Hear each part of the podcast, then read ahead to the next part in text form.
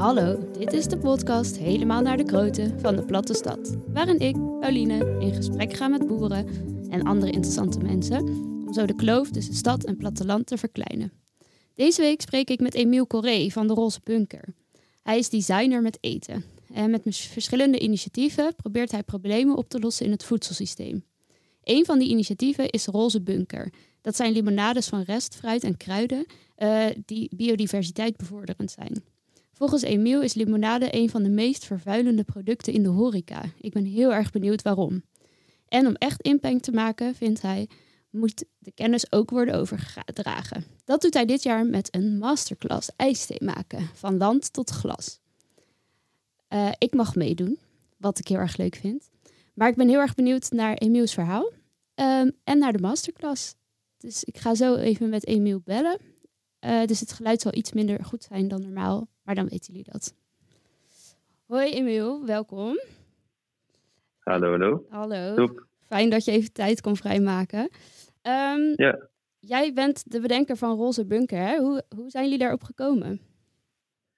Um, ja, Roze Bunker is eigenlijk eerst gestart als een idee tussen vrienden om samen te ondernemen, maar vooral problemen te tackelen. Dus wij gingen koken voor mensen die dat uh, niet konden, um, of, of voor mensen die het niet zo breed hadden, of gingen koken voor vluchtelingen en gingen exposities organiseren. Dus het begon eigenlijk als een, als een club vrienden die problemen wou tackelen. En toen is het geëvalueerd tot wat het nu is, frisdranksiroop.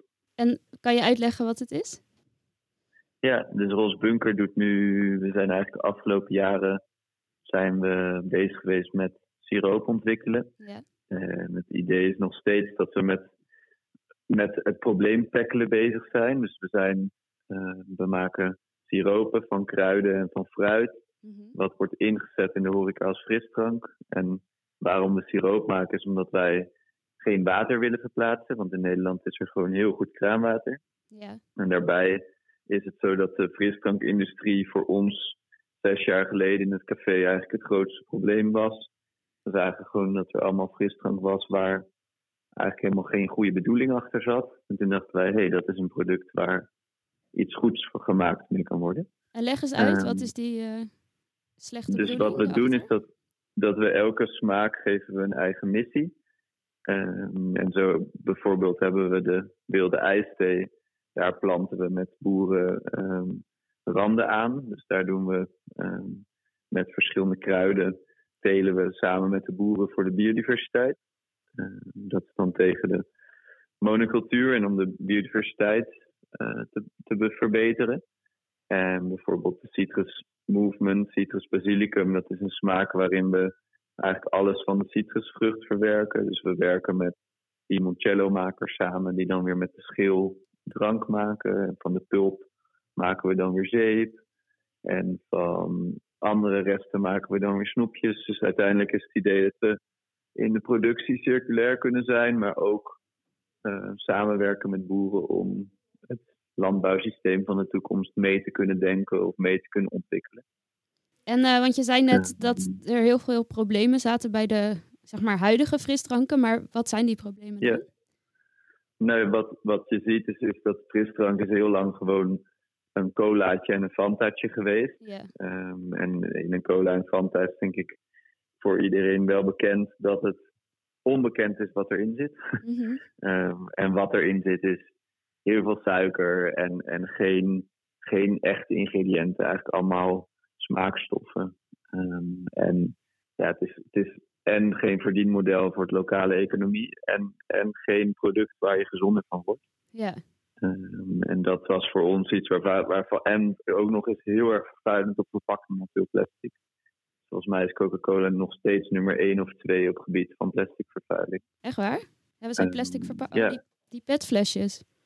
Ja, dus heel veel petflessen, heel veel wrappers. Dus qua oh, ja. hoeveelheid tonnen dat zij in een consumptieproduct verwerken, staan zij heel hoog nog steeds. Um, en dat is iets wat je in Nederland gewoon niet nodig hebt met zo goed kraanwater. Nee, want jullie uh, frisdranken zijn dus, moeten we zelf worden aangemengd. Ja, dus we maken eigenlijk gewoon ouderwets siroop. Uh, en wat wij dan doen is dat we er een er een watertap bij doen, zodat je dan als café bruisend tapwater uit je kraan kan halen. Oh. Ehm, en daar voeg je dan de smaak toe. En op die manier kan je frisdrank zelf in je café met de lokale bronnen aftappen. Ehm, dus dat is het idee dat je gewoon, ja, elke, elke plek in Nederland heeft gewoon een, heeft, heeft gewoon een goede connectie met kraanwater. Ehm, en wij maken eigenlijk alleen smaak. En of iemand dan een cocktail maakt, frisdrank maakt of iets anders met onze siroop doet, dat mag hij dan ook weer zelf weten. Ja. Oké, en zijn ze ook lekker? Dus ja, ik vind ze zeker lekker. Ik vind ze nu nog lekkerder omdat Tom de siropen ook maakt. Tom is kok en Tom kan heel goed met smaak spelen. ja. Ehm, en die is er nu bij in het team. En die is nu op dit moment de vlierbloesem aan het maken. Dus we hebben nu, staat hij met grote ketels, staat hij 3000 liter vlierbloesem te knallen vandaag. Mhm. En ja, dat vind ik dan wel heel lekker als die er zo meteen is. Ja, want ik vroeg me af, hè, want jullie hebben laatst ook een magno magnolia, hoe spreek je dat uit? Mag Ja. Magnolia ehm ijs of eh, siroop gemaakt. Maar neem je dan niet juist de bloemen af van de biodiversiteit in de stad? Nee, wat je dan doet is eigenlijk, kijk, een deel gaat natuurlijk over, over eh, kennis eh, delen. Mhm. Ehm, en een deel gaat over inderdaad biodiversiteit. En ik denk dat met de magnolia, daar pluk je een paar bloemen. En dat zijn eigenlijk allemaal bloemen die al een beetje ouder zijn, die je plukt. Ehm, dus daarin ga je zeker niet de biodiversiteit weghalen. Je moet er in de natuur nooit voor zorgen dat je alles leeg plukt. Dus je moet altijd weer meer bijplanten dan dat je weghaalt. Ehm, dus dat is bijvoorbeeld ook wat we met de vlier doen. Daar planten we onze eigen bomen. Dus we hebben nu eh, wat heb ik, hoeveel stekjes? Ongeveer 800, tussen de 800 en 1000 stekjes hebben we klaargezet dit jaar. Ja. Eh, dan gaan we aankomende jaren zullen we ons eigen vlierbloesembos gaan aanplanten. Oh, Dus ja, we plukken ook uit de natuur, maar we planten dan ook meteen weer terug. Ja, precies.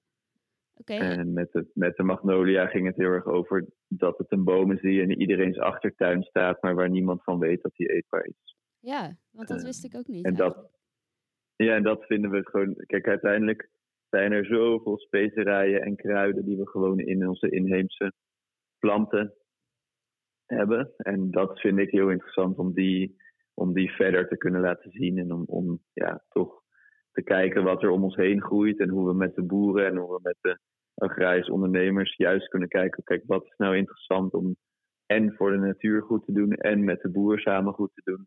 Zodat het niet iets is wat alleen maar ja, binnen een kringetje hipsters alleen kan werken, maar wat ook gewoon echt in het systeem kan functioneren. Ehm, dat vinden we in ieder geval interessant om te doen. En daarom zijn we nu ook naar, naar Culemborg verhuisd. En zitten we gewoon tussen de fruittelers. Ja. En niet meer in de stad, maar hebben we gewoon een buitenplek, zodat we ook gewoon alles zelf kunnen doen. Ehm, ja, dus ook. Dus jullie telen aan de ene kant zelf en aan de andere kant werken jullie samen met de fruittelers in de buurt. Ja, ja, dus het zelftelen doen we vaak samen met boeren. Kleine testjes en dingen doen we ook wel echt zelf. Dus we hebben vorig jaar een stuk voedselbos aangeplant. Mhm. Ehm, en bijvoorbeeld het oogsten van, van dingen, daar, dat doen we dan zelf. Omdat dat voor de boer vaak nog te kleinschalig is.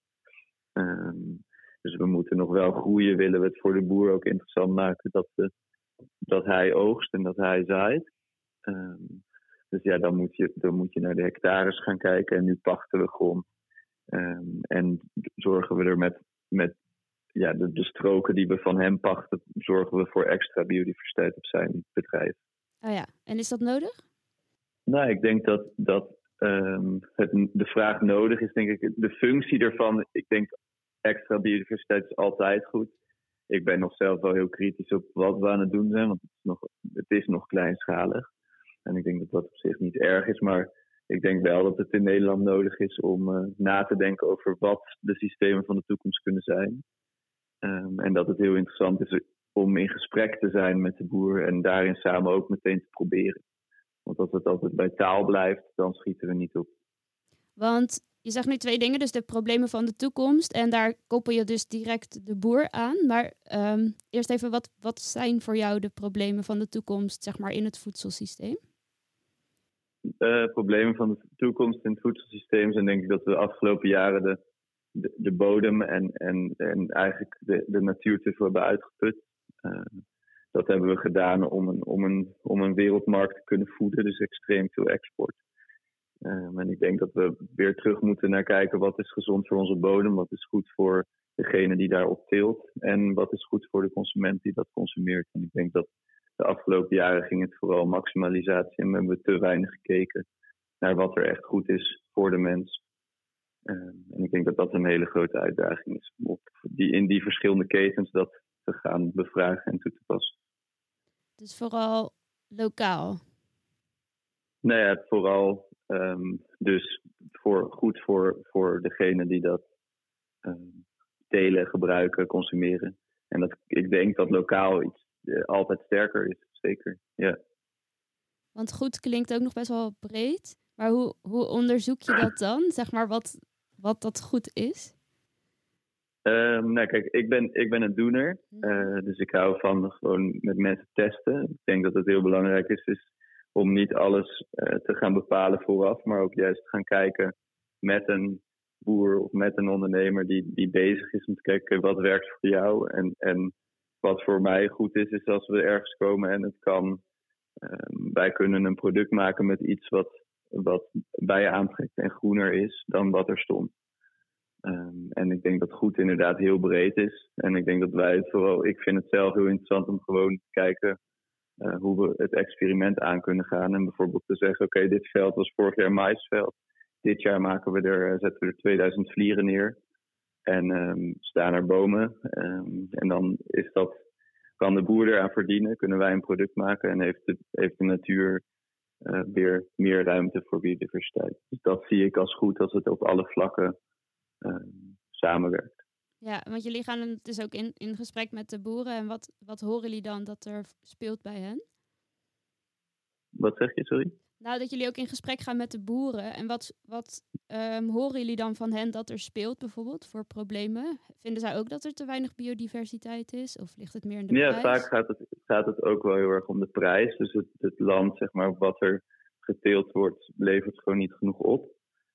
Uh, dus dat hoor, je, dat hoor je vaak. Ik denk dat, er, dat een, een boer is totaal niet een, uh, een, een, een soort um, stereotype. Dus het is gewoon, iedereen heeft zijn eigen bedrijf en zijn eigen uh, mening erover. En er zijn heel veel agrarische ondernemers die gewoon lekker bezig zijn en die vinden dat het zo door moet gaan. Maar er zijn ook heel veel die denken van oké, er moet toch wel verandering plaatsvinden om de bodem gezonder te maken. Um, en de problemen, ja, het gesprek wat wij voeren is toch met, met de, de boeren die echt wel verandering willen. Um, omdat ze zien dat ze en ja, op, op een hectare bieten gewoon niet meer kunnen verdienen. En dat het zonde is om een product te telen waar je niet meer trots op kan zijn en wat de grond niet per se gezonder maakt. Ja. Um, dus ik denk dat het een stukje trots is wat, wat terug moet komen. Trots in het product, trots op je eigen land. Mm-hmm. Um, en, en een stukje, ja, dat, dat, het, dat het gezond is voor elke keten. Dat lijkt me heel. Dat is waar we voor met Bunker in ieder geval proberen um, in gesprek in te zijn. En ik vind het heel interessant hoe zo'n ja, toch klein product, um, toch dat je daarin al die gesprekken met een product kan voeren. Ja. En dat we daar met elkaar gewoon um, ja, per smaak eigenlijk weer hele andere problematieken zien in bijvoorbeeld de grote ketens die gewoon heel veel fruit nog steeds weggooien. Um, waarin we dan weer samenwerken om de limoenen uit, uit van de grote fruithandelaren te verwerken tot een nieuw product. Uh, en daar zie je ook dat er weer heel veel stappen gemaakt kunnen worden. Kunnen we die stappen zelf maken? Nee, absoluut niet. Maar kunnen we wel dat in kaart brengen en kunnen we er um, in kleine schaal oplossingen voor bedenken? Ja, dat, dat lukt wel. En dat vind ik wel heel interessant om te zien. Ja, want jij bent ontwerper hè, van uh, ja, ja, ja, ik ben begonnen als kok als, uh, en, en toen ben ik nog ontwerp gaan studeren. En, um, dus ik, ja, ik, sta, ik sta in de binnenroze bunker achter de ketels tot en met de spreadsheets of de, eigenlijk alle kanten wel mm-hmm. uh, gedaan. Um, en qua ontwerp vind ik het interessant om gewoon ja, te doen. Dus ik zit niet, ik zit niet veel achter de laptop zo vooral maken. Ja, maar jij kijkt, kijkt wel naar de wereld om je heen en je denkt, hé, hey, deze problemen spelen er en wat zou daar een oplossing voor kunnen zijn? Ja, precies. En, wat, wat en zou... daar, dat zijn nu, nu ook weer nieuwe dingen mee bezig. Ja. Nou, dat was inderdaad mijn volgende vraag. Want wat zie jij nog meer en wat voor oplossingen ben je nog meer aan het bedenken? Ja, dus bijvoorbeeld nu ben ik veel met, met zeewier bezig. Nu is eigenlijk een breed begrip, want dat is alweer de afgelopen zes jaar. Mm en daar ben ik bijvoorbeeld nu de, de smaken van onder water aan het categoriseren. Dus je hebt bijvoorbeeld binnen wijn heb je een flavor wheel, zo'n wiel met allemaal kleurtjes en dan de smaakprofielen erin. En dat ben ik aan het maken over zeewier. Dus eigenlijk de smaken die onder water zijn, categoriseren zodat we daarop ook weer verder kunnen ontwikkelen en kunnen kijken wat, wat er mogelijk is met de smaken van onder water. Want dat bestaat nog dus niet. nee, dus er is eigenlijk een hele, uh, ja, hele, hele slechte notatie van smaak over zeewier. Oh. Er zijn wel onderzoek aan het doen natuurlijk naar zeewier, maar dat is allemaal heel gericht op een paar soorten. Ehm, en ik vind het interessant om eerst de diversiteit van onderwater in, in kaart te brengen en die smaak uh, in kaart te brengen. Om daaruit te kijken van oké, ehm, ja, eigenlijk een soort bouwsteen te geven aan koks, ontwerpers, onderzoekers. Om het een keer vanuit een andere kant te bekijken. Wat noemen ze een paar smaken die je dan proeft onder water? Ja, dat, het interessante is natuurlijk dat, ons, dat we niet van onder water komen. Dus we hebben ook je komt ook wel smaken tegen waarvan je denkt, oeh, hoe moet ik dit nou weer gaan noteren? Ehm, maar bijvoorbeeld dat er gewoon tropisch fruit, litchi in kan zitten, maar ook totaal truffel of, of uh, meer chocoladetonen. Dus het schiet echt alle kanten op. Um, en het hangt er ook heel erg vanaf wat voor stappen je ertussen zet. Dus bij fermentatie kan bijvoorbeeld meer de tropische tonen ontstaan. En bij drogen kan er weer meer wat, wat meer de diepere umami-tonen ontstaan. Uh, dus daar zit ook nog wel een stukje bereiding in. Maar ik vind het gewoon heel interessant om die onderwaterwereld te ontdekken en ook daar in te kunnen spelen. Dus dat, dat is een droom en daar ben ik, probeer ik nu gewoon ook wat meer tijd in te stoppen in die droom. En hoe doe Want je ik dat denk dat we de oceaan met z'n allen mogen helpen. Ja, en nou, hoe, hoe doe je dat dan? Ga je dan met je snorkel op uh, het water in? Ja, ja maar ik kom uit Bretagne. Uh, dat is het west, westkust, westpuntje van Frankrijk. Daar woont mijn vader en daar zijn heel veel soorten zeewier. Ja. Uh, en daar ga ik dan heen en dan ga ik met mijn snorkel en met de kajak ben ik dan gewoon elke dag onder water, onder water, onder water.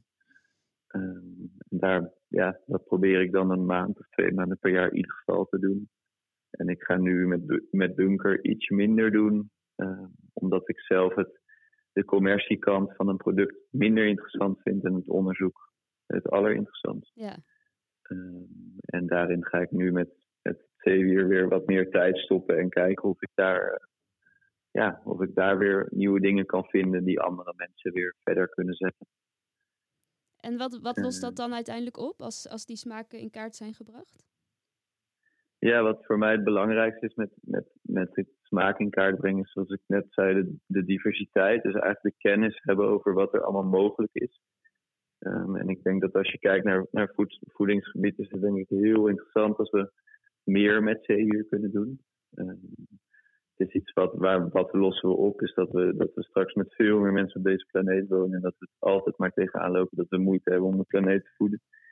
En dat er met de zee eigenlijk op een. We varen er doorheen en we dumpen er afval in en we trekken de vissen uit. Maar we zijn er niet echt. Um, we zijn hem niet echt goed aan het beschermen. En ik denk door kennis te geven over wat er kan, uh, ontstaat er ook weer mogelijkheid om ja, met een respectvolle manier in de zee te gaan uh, telen, um, beschermen.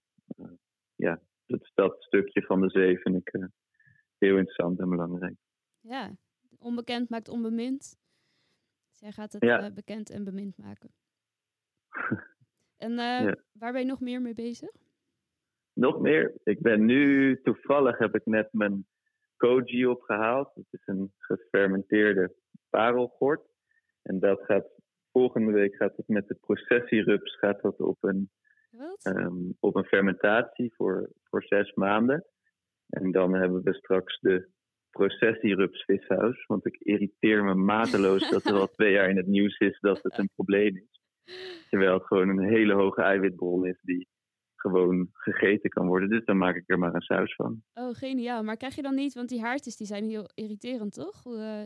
Ja, dus daarom heb ik een lange fermentatie en, en brand ik een deel eraf bij, voor de fermentatie. En uh, daarna moet hij ook nog naar het lab. Dus ik heb hem vorig jaar een keer gemaakt.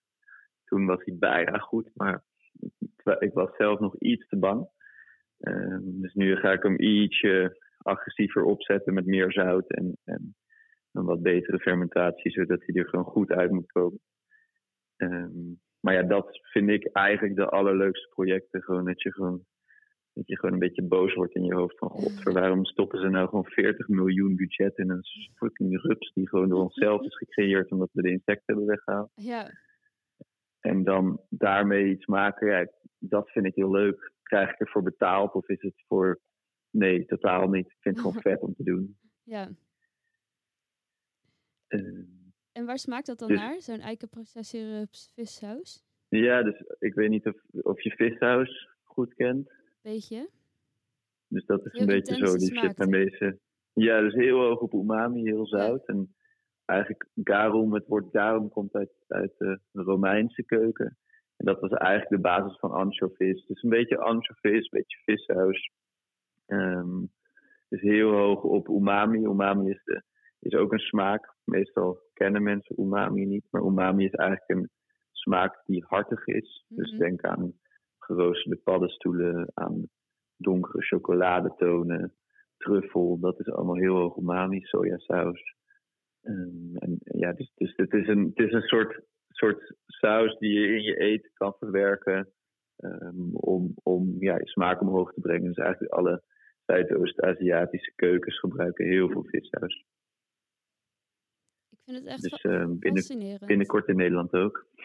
Ja, en maar nog even hoor, want hoe, hoe vang je die dan? Want die, hoe, hoe doe je dat? Hè? Hoe vang je die rupsen? Hoe doe je dat? Ja, we, we gaan met een stofzuiger. Dus ik heb de, de bestrijdingsdienst heb ik gebeld. Ja, En die, die verklaarde me totaal voor gek. Ehm, en dus die zeiden, ja, dat, dat, dat kan toch niet? Ehm, maar ja, die we vinden het wel leuk. Omdat, dus we gaan uh, volgende over twee weken gaan we een dag ze opzuigen. En ik ga zelf even helemaal ingepakt. En gelukkig hebben we met corona allemaal goed beschermingsmateriaal thuis. dat is waar. Maar, maar dus het is een beetje een. eh, ja, eerst doe ik het gewoon lekker zelf. En dan gaan we over een paar weken gaan we dus met stofzuigen. En dan zuigen we gewoon al die rupsen op. En dan, ehm, ja, dan ga ik gewoon een, dan ga ik een wat grotere batch maken. En ehm, eh, ja, gewoon heel spannend of, of het werkt, hoe het werkt. Maar ik vind het wel interessant om, om tegen het randje van kan het wel, kan het niet Ja, het is gewoon een hele hoge eiwitbron. En er zit, er zitten stoffen in die je kapot kan maken door die fermentatie. Ehm, dus theoretisch kan het. En dan gaan we het gewoon doen. het zou wel leuk zijn als iedereen in de toekomst gewoon een eigen machientje in huis heeft staan waar die dan die rupsen in kan doen en dat er dan Ja. gewoon vissaus uitkomt. Precies, ja, dat zou heel vet zijn. Ja. En ik denk dat in de natuur zijn gewoon, wat ik net ook zei over de magnolia's, ook, zo zijn er nu op, op voedselgebied, vind ik dat gewoon het allerinteressantst is. Bijvoorbeeld, ik heb nu een chocola ontwikkeld die van een paddenstoel is gemaakt, die in de Nederlandse bossen groeit. Het smaakt gewoon exact naar chocola, dus daar heb ik dezelfde techniek op gedaan als bij een cacaoboom. ja. Ehm, en zo heb je bijvoorbeeld eh, met de eikeltjes kan je weer heel mooi meel maken, waarin je ook weer mooie producten. De Nederlandse natuur zit gewoon vol met ingrediënten die worden gezien als een soort van overschot of, of ja, oninteressant. Terwijl we heel veel dingen in, importeren waar we helemaal lyrisch over zijn. Maar hier in ons eigen land groeit het ook. En ik denk dat we daar eh, nog heel veel stappen mee kunnen zetten. Ja, ik denk ook altijd dat mensen een soort van, dat we als mensen heel erg vastzitten in wat wel of niet eetbaar is. En dat bijna die soort van open blik, die je die dan misschien als designer eh, meer hebt, dat we die niet meer hebben. Eh, ik had ook van iemand gehoord die zei, ja, misschien moeten we gewoon in de toekomst allemaal onze eigen slakkenkwekerij in de tuin hebben. En toen dacht ik, oh, dat is echt geniaal. Dan hebben we gewoon vlees en dan soort van, maar zoveel dingen zijn, denk je, ja, dat kan toch niet? Of omdat we gewoon denken dat alles wat in de supermarkt ligt, dat is de norm. En eigenlijk de rest is eh, nou ja, afwijkend. Ja, Dus ik denk Ja, sowieso... ik denk ook dat je bent echt wie je eet. Of je bent, je bent wat je eet. Ehm, dus dat het, het is ook niet mogelijk om mensen aan te passen. En Ehm, maar het is wel interessant om inderdaad mensen er gewoon. Ik ga niet iemand dwingen om inderdaad te zeggen: je moet een rups eten. Of wat je zei, slakkenfarm in de tuin. Ik denk ook, ja, geniaal. Dat moet sowieso gewoon gebeuren. Maar Ja. je kan mensen sowieso niet dwingen. Nee. Maar het is wel, ik denk als, als er op een gegeven moment, ja, je ziet toch ook verschuivingen ontstaan. Mensen eten toch nu meer tempeh en zijn toch bezig met eh, het bevragen van, van, van bio-industrievlees. En ja, Ja, dat bevragen is denk ik heel belangrijk inderdaad. Dat, je, dat we daarmee ruimte creëren om ook anders te kijken naar ons huidige voedsel. ja, ja, en die vraag van het soort van met een knipoog soms een probleem veranderen in, hé, het kan gewoon iets anders. Dat, ik denk dat dat, dat iets is waar, ja, waar we met elkaar gewoon zoveel mogelijk, ik denk ook met, wat jij met je podcast doet, gewoon het gesprek aangaan en kijken wat mensen waarover zeggen of waar ze tegenaan lopen. Dat zijn allemaal weer eye-openers voor andere Ja. mensen die dat er weer horen. En ja, zo kunnen we vooral gewoon een soort troubadour zijn van, van het nieuwe, wat wij denken wat een nieuw systeem kan zijn. Wordt Ja. het het nieuwe systeem? Nou, dat weet ik niet. Ja, zeker. En jullie zijn ook bezig hè, om die kennis eh, nog meer te verspreiden.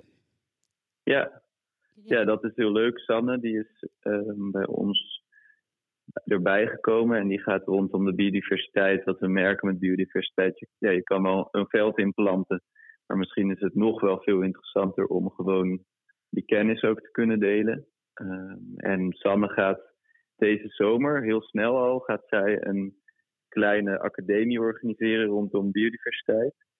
Ehm, dat begint 5 juli en daar zijn nog plekken voor. Ehm, en dat is dan een kleine training ehm, waarin ze beginnen met leren over planten, waarin ze dan gaan bieden, oogsten, drogen en uiteindelijk kombucha en siroop maken en met een feest aan het eind. En dat is dan een, een aantal dagen, volgens mij uit mijn hoofd ne- negen dagen. Ehm, en daar gaan ze dan in Culemborg ehm, ja, hun eigen product ontwikkelen met biodiversiteit. Ja, superleuk. En daar zijn nog plekken voor. Ja, want dat is de hele maand juli, hè? Ja, precies. En dan zit er volgens mij elke keer drie dagen tussen. En het start dan 5 juli en het eindigt 31 juli. Oké, en, eh, Ehm, dus als je dit hoort, kan je je aanmelden. als je, en als je tussen de 16 en de 27 jaar bent. Is voor jonge mensen. hè? goede toevoeging. Waarom is dat zo? ja. Volgens mij is dat zo, dat weet ik ook niet precies, maar volgens mij is dat zo omdat dit vanuit Groen Traineeship is ehm, georganiseerd. Dus daar doen ze, doet Sanne het samen mee. En volgens mij is dat een traineeship voor jonge mensen, wat ik ook wel heel gek vind, want ik vind dat je op elke leeftijd gewoon moet leren. Ja. Ik vind het heel raar dat dat altijd gelinkt is aan leeftijd. Maar ja, ik zou zeggen, als je ouder bent en je denkt ik wil dit wel, dan zou ik ook gewoon aanmelden. In ieder geval, ik zou niet zeggen dat het tussen een bepaalde leeftijd moet. En ik denk dat, jij Sanne dan ook niet zo in hokjes denkt. Nee, dat lukt niet heel goed. Hey, Eh, en, dus eh, meld je vooral aan als je boven de 70 bent. ja, Eh, precies. dat, dat alle, is perfect. alle pensionada's die zijn ingeënt. Precies, ja, dat is veilig. Ja. Ja. En eh, hoe kunnen ze zich aanmelden? Ze kunnen zich volgens mij via de website vinden en anders via de Instagram staan er, staat de link in de bio, Roze Bunker. En de website is www.rozebunker.nl en daar staat het in het nieuwsberichten. Leuk. Ehm, dus ja, meld je aan. Er zijn nog een paar plekken, begint al snel, 5 juli. En ehm, ja, leuk als je meedoet. Ja, superleuke kans voor meedoen? mensen. Ja, ik ben erbij hoor. Echt? Ja, zeker. Leuk. Superleuk. Ik heb eh, een jaar lang binnen gezeten, dus eh, ik heb heel veel behoefte om gewoon lekker op het land te staan en eh, te doen. Chill, dat klinkt goed. Ja. Leuk. Hey, super bedankt Emiel. Ik ben helemaal ge- geïnspireerd door, je, door al je out-of-the-box plannen. Dus ik, ga je, ik, ik blijf Ja. je zeker volgen. En ik ben benieuwd, ik ben heel benieuwd naar de podcast en naar de verhalen verder. Dus leuk, leuk om te spreken. Ja, jij ook. Dankjewel. Dankjewel. Doei.